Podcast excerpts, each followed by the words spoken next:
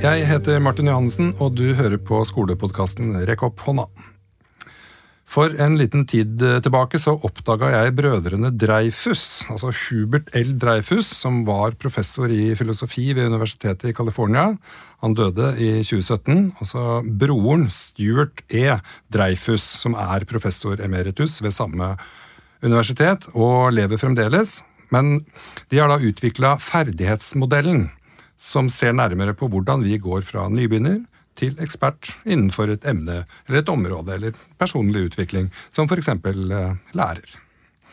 Og Magnar Ødegaard han er postdoktor ved Institutt for spesialpedagogikk ved Universitetet i Oslo. Han sendte meg en melding og vil gjerne snakke mer om dette her.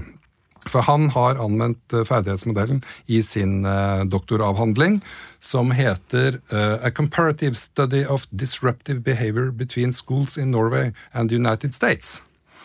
Det er da den engelske tittelen, som dere hørte. og også med andre arbeider. Han har også hatt et opphold ved universitetet i California, altså Berkeley, og studert dette her nærmere. Velkommen! Tusen hjertelig. Uh, så bra at du skrev til meg om at du ville snakke mer om dette her, for jeg vil gjerne høre mer om dette her, nemlig. Så bra. Det, det, er jo gøy når man lykkes med å invitere seg selv. Ja, ikke sant? Det er jo... Setter jeg pris på at jeg fikk komme hit. Ja, Eh, du har jo på en måte gått fra nybegynner til doktorgrad, eller fra nybegynner til ekspert, kunne man sagt i den sammenhengen her. Eh, når, når visste du at du var ekspert? Uh, jeg tror jeg, jeg, vil ikke kalle meg selv ekspert, egentlig. Jeg, jeg, tror ikke det er sunt hvis jeg gjør det. Men det jeg vil uh, Kanskje, da, altså Dreyfus uh, Hubert sa på et tidspunkt, og har skrevet om det, at man kan ha ekspertens holdning, altså attitude of expertise, sier han. Og det handler om å oppføre seg på en måte som kan åpne opp verden for nye tanker og opplevelser og sånne ting. Så det tror jeg er at jeg heller forsøker å forstå nye ting hele tiden. Ok, ja, men uh, syns du du lykkes eh, med det?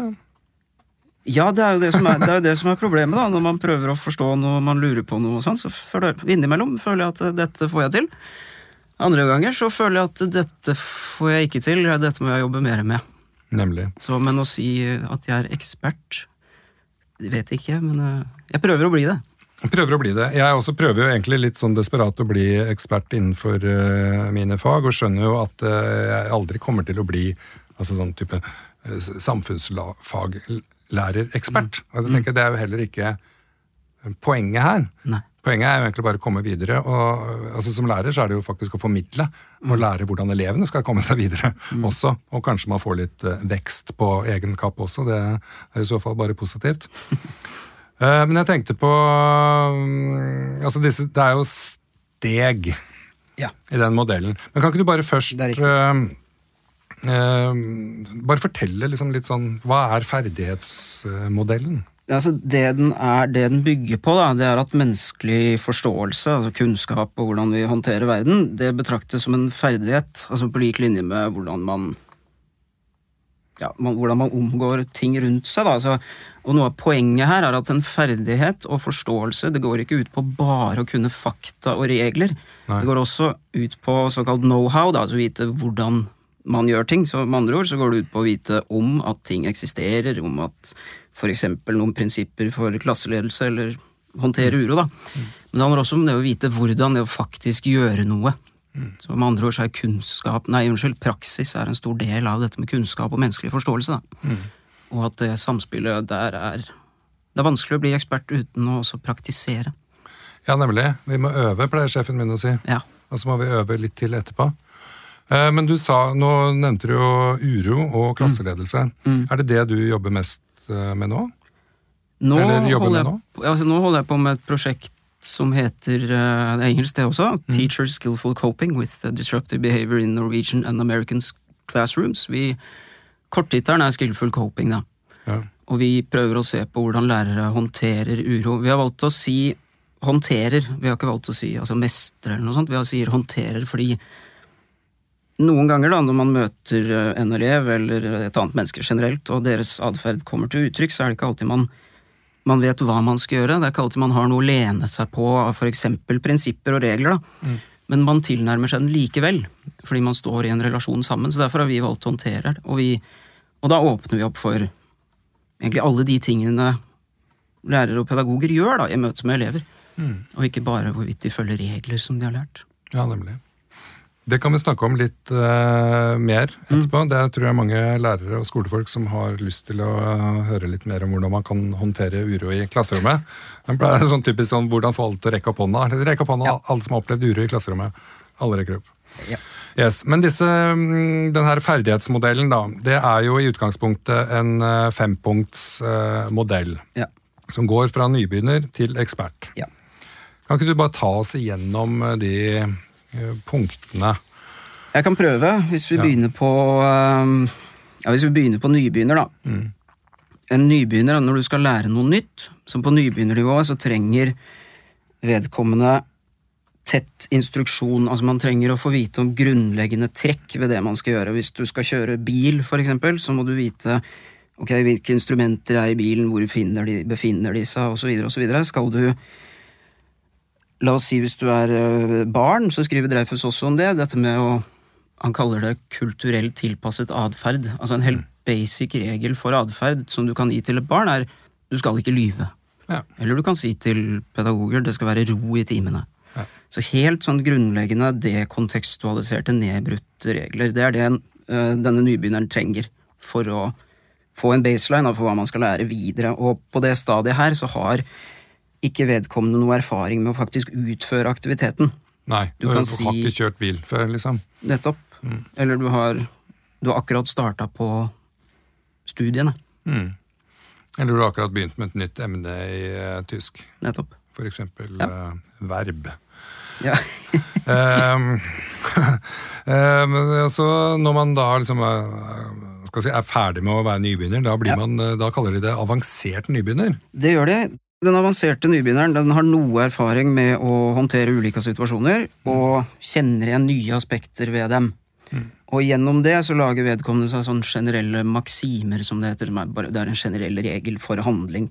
Hvis vi går tilbake til det du skal ikke lyve-eksempelet for et barn, så når, du møter, når det møter andre barn, så vil det ganske fort oppdage at hvis du er helt ærlig hele tiden, så kan andre bli såra av det. Ja, Så du skal ikke lyve med mindre Skjønner du? Det er bra for den andre. Ja, så da, så da blir det Eller du skal ikke lyve med mindre du vil skåne noen. Altså, de, de plukker opp de tingene. Eh, likeledes i et klasserom, hvis du lener deg på hele tiden at det skal være ro i et klasserom, da er det jo litt krevende når du finner ut at ok, vi skal ha prosjektarbeid her, eller gruppearbeid. For da er det ikke alltid ro, ikke sant? Nei. Og da, det kan jo være en, selvfølgelig en positiv, og trenger ikke å være en destruktiv uro i det hele tatt. Men nei. poenget er at det forandrer seg, de reglene de utvides, de blir litt større, og det finner du ut gjennom erfaring. Mm. Så du har noen flere kjøretimer, liksom, så veit du litt bedre om hvordan du skal kjøre den bilen Ja, det, er- det er helt riktig. Du, du forstår det at nå må jeg gire, for det motoren lager den og den lyden. Ja. Turtallet er så og så høyt, nå må jeg gire. For å Forutsatt at du kjører manuelt gir, da. Mm.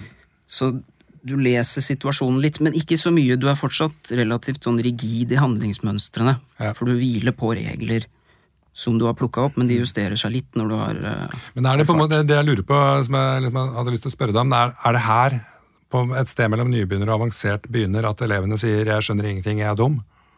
Nei. Nei. Det er det før nybegynner. Eller er det? Nei, Hvor? Du presenterer noe nytt. Ja. Et eller annet eh, menneskeverd. Noen Ja. som vet hva menneskeverd er, ja. sier vi. Ingen rekker opp hånda. Så peker du på en. Sier Mm. du nei, nei, jeg veit ikke, jeg er dum. Jeg skjønner ingenting. Det kan jo gå på Ja, Hvis vi bryter det ned, da. Elevene er jo, hvis du ser på det som en ferdighet, bare det å gå på skole.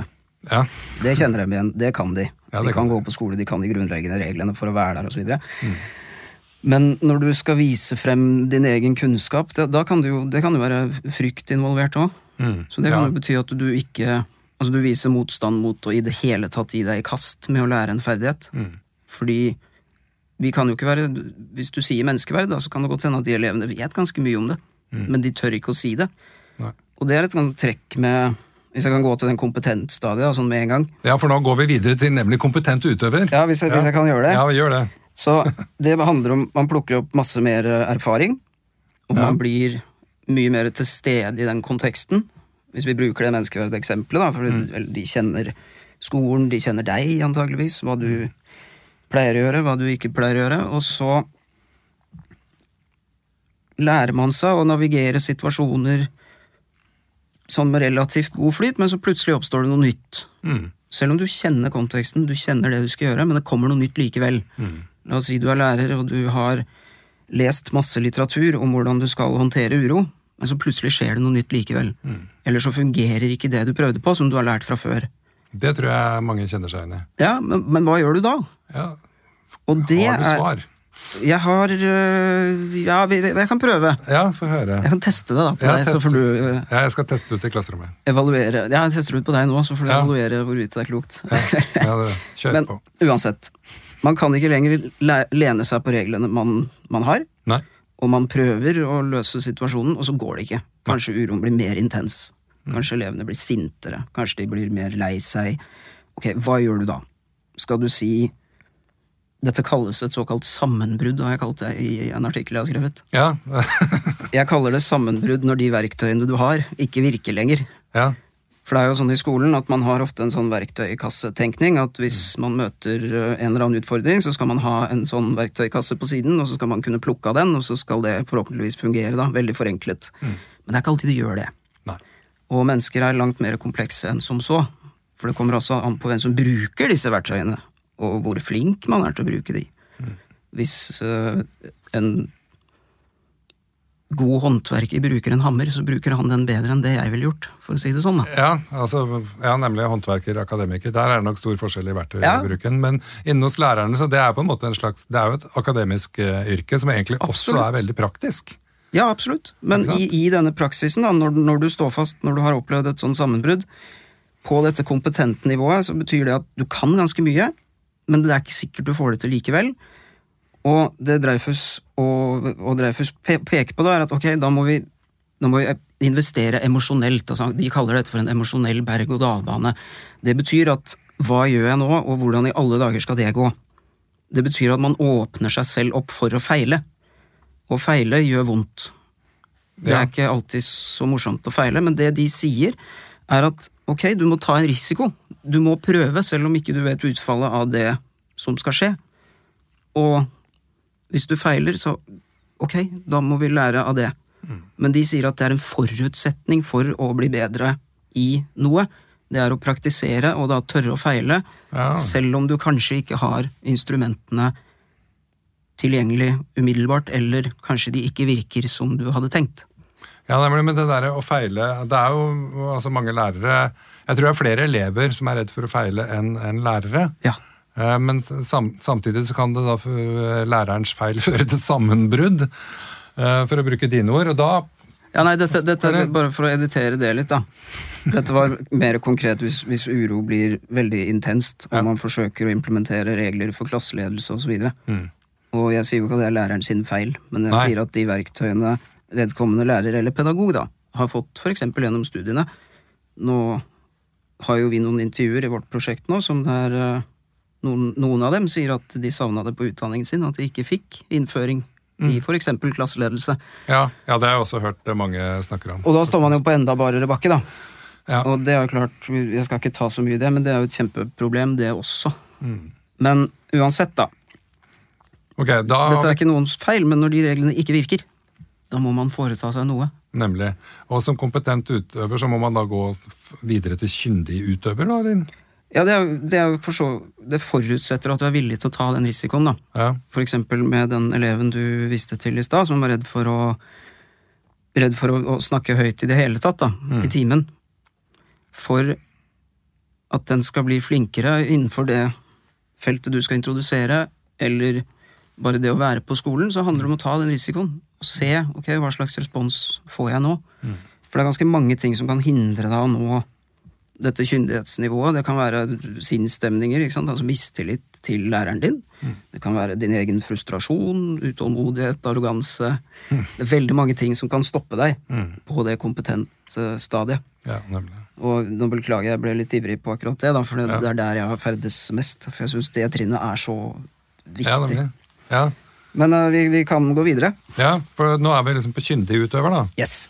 Ja, så når du, når du har prøvd og, og feila lenge, da, Mm. eh, og reglene ikke har fungert, men du har prøvd likevel, og så får du større og større forståelse, og så begynner du å lykkes. På kyndig-nivået så har du en intuitiv forståelse av situasjonen du står i. Du, du leser situasjonen, du skjønner hva som er viktig. For det gjør du ikke som kompetent. Der kan det være veldig mange ting som fremstår viktig. Hva skal jeg ta tak i her, egentlig? Men på kyndig nivå så forstår du det. At, ok, det er dette jeg må ta tak i. Men du er enda ikke sånn at du gjør det umiddelbart, Nei. men det går fortere for deg å lage en plan, og velge ut en plan, og så handle etter den. Og den er ikke basert bare på regler og fakta som du har lært, den er basert på erfaring som du har opparbeida deg selv gjennom et langt yrkesliv, eller som elev. Ja. Jeg tenker liksom Erfaring og praksis er liksom sånne stikkord som, eh, som går igjen her. Ja. Eh, selvfølgelig, Man får jo mer praksis, jo mer eh, erfaring. Eh, så det er viktig å, å, å tenke på. Men tenk, altså, du kyndig utøver. mm. altså Du gjør det hva det man kan si, intuitivt og umiddelbart. Ikke umiddelbart ennå. Nei? Ok. Du, du forstår det intuitivt. Ja. Altså, du leser situasjonen, Mm. men du må fortsatt velge deg en plan av hva nå enn du har erfart før, Ja. og så setter du i gang den. Ja. Men eksperten, derimot, for å gå over til det, Ja. der er det intuitivt. Altså, du har en intuitiv forståelse av det som skjer rundt deg, og du reagerer umiddelbart. ja. Og vellykket. Ja, og vellykket, ja. Yes. Nemlig. Og det er jo Det er, det er hit vi vil! Det er hit vi vil. Ja, i hvert fall når det gjelder sånn type eh, klasseledelse og, og uro. Hvordan kan vi liksom håndtere det eh, på På den måten? Ja, det er det, da. Ja. Eh, Jeg ser jo på dette som altså jeg ser ikke på dette som en sånn oppskrift, jeg ser på dette som en måte å tenke om egne og, og andres ferdigheter på. Sånn Mm. når man ser på Jeg kan jo fortelle det da når jeg underviser Jeg underviser ved høyere utdanning. Mm.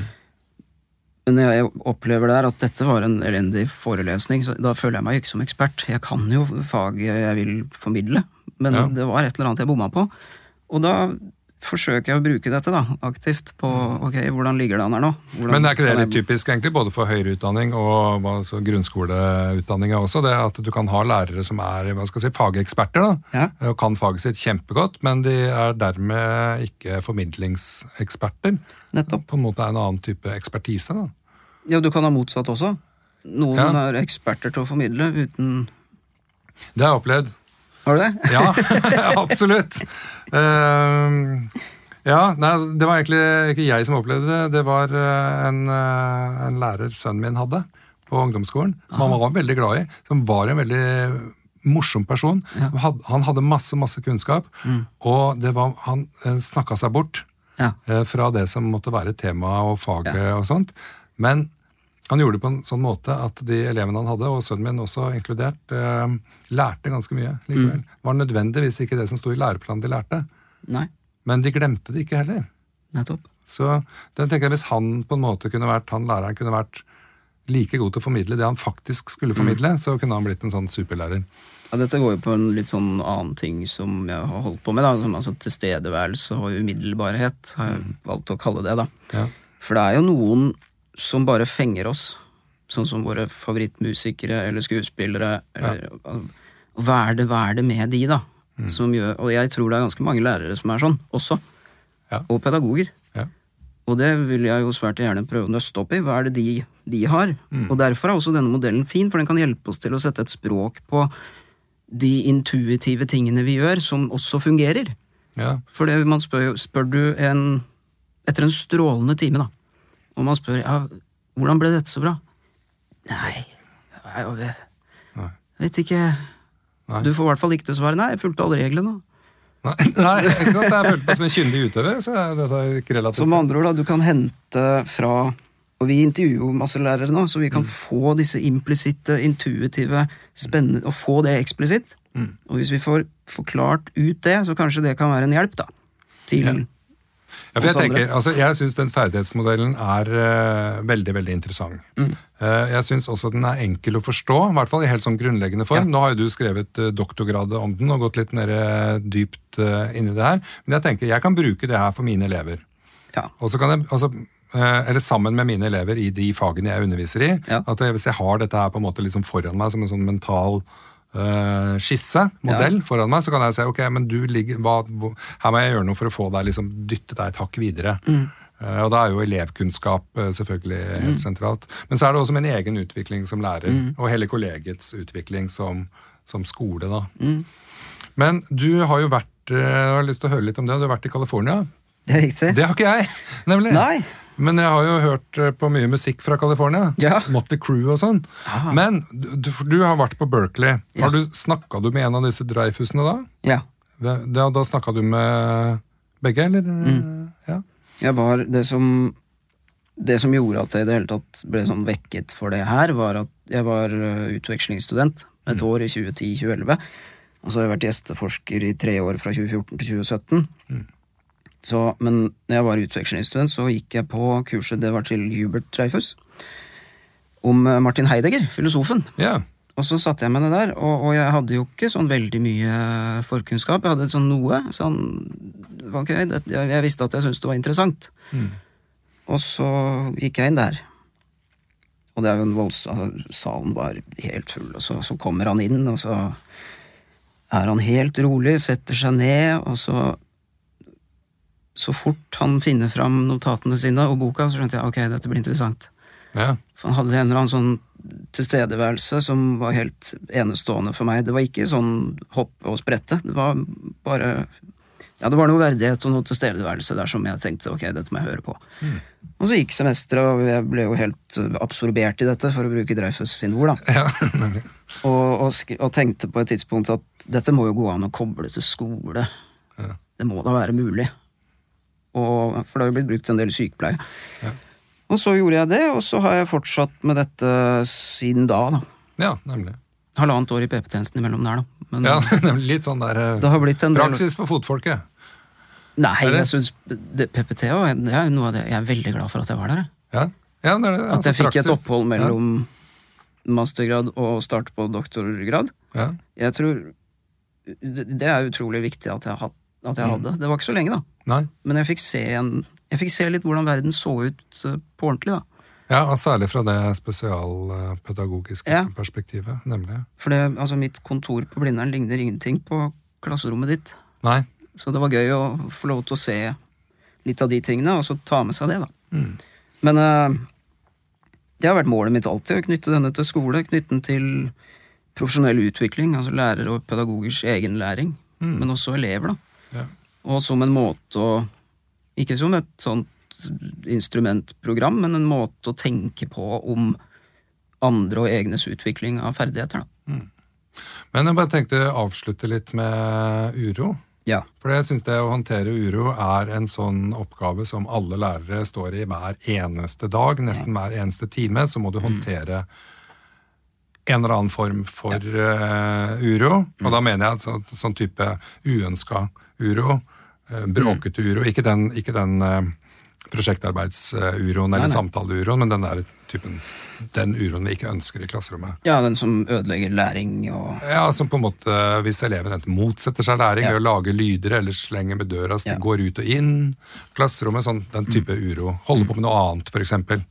Snu ryggen til når vi skal se en film. Sånn, den type Hva har du å si om det? Det er, Jeg har mye å si om det, men det, kan, altså det er jo vi, vi har jo dokumentert, det er jo en av skolens største utfordringer. Det er det denne Jeg kaller det for den hverdagslige uroen. Ja. Alle de tingene som vi kan se på som småting, men til sammen blir det ganske mye, da. Ja. Og det jeg tenker om det, er jo først og fremst at lærerne trenger hjelp. Mye mer hjelp enn de har fått. Mm. Og jeg syns også at de får litt for mye kjeft. Lærerne eller elevene? Uh, Lærerne. Ja, I Jeg media, liksom? Ja. Ja. Jeg syns det er litt for mye negativitet. Fordi dette er mennesker som prøver så godt de kan. Ja. Og de står overfor en voldsomt mangfoldig gruppe. Men, men uansett, da, så tror jeg det å håndtere uro per se, hvis vi, går, hvis vi bruker denne modellen på det mm. Hvis det er sånn da, at det er for lite fokus på det i, i lærerutdanningen, eller i pedagogiske utdanninger, på akkurat det å håndtere uro Klasseledelse er en stor ting, håndtere uro er en del av klasseledelse. Det er sånn jeg ser på det. ja. Enig. Og hvis ikke de får noe innføring i det, og noe tilstrekkelig undervisning i det, hvordan altså, Hvis det er sånn at det er ferdighetsutvikling, så trenger du instruksjon på de grunnleggende tingene før du begynner å praktisere. Så jeg mistenker jo at her er det ganske mange som har måttet finne på å oppsøke og lese om alle disse grunnleggende prinsippene selv. Mm.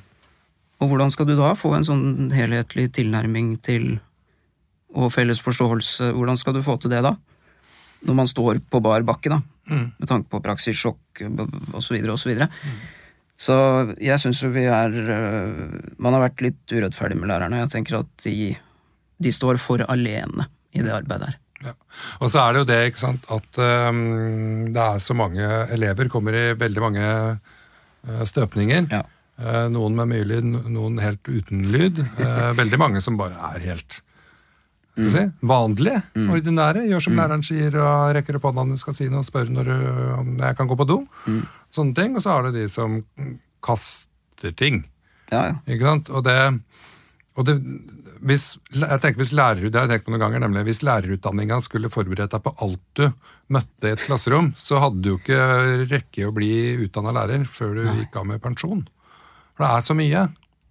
Ja, men det, det, er jo heller ikke poenget med denne modellen. Da. Det er jo å vise frem de grunnleggende trekkene ja. først. Ja, nemlig. Og det er ikke noe nødvendigvis en dybdeinnføring. Nei, ikke sant. Men da, da, da tenker jeg vi avslutter med en sånn slags oppfordring til å uh, finne ut mer om uh, ferdighetsmodellen til Dreyfus og Dreyfus. Ja, veldig gøy hvis noen vil det. Jo, det hadde jo vært interessant, det. Ja, Så kan de jo bare sende deg en e-post også. Det finner jeg på Universitetet i Oslo. tenker jeg. Ja, kan de kjøpe boka di, eller de kan lese artikler. De kan uh, google Dreyfus og Dreyfus ferdighetsmodellen, eller på engelsk eller norsk, og da dukker opp videoer, blant annet. Mhm. Det dukker opp uh, artikler. Det er skrevet en god del om det, egentlig. Ja. Men, Men ikke eh, så mye i skolekontekst. Nei, ikke så mye. Men det bidrar jo vi til nå. Ja. Eh, og jeg har også skrevet om det på lærebloggen, og jeg har også funnet andre artikler som er litt sånn skolerelaterte. Mm. Så det mm, eh, Det er ikke for seint å begynne på ferdighetsmodellen i dag. Så tusen takk til deg, Magnar Ødegaard. Nå veit vi hvordan vi går fra nybegynner til ekspert. I hvert fall har vi, vi har modellen foran oss. det har vi. Og vi veit litt om hvordan vi skal håndtere uro i klasserommet også. Tusen takk. Selv takk. Og takk for at du hørte på Rekopodna. Husk å holde avstand, vask henda, bruk antibac og pass på kohorten din. Vi høres.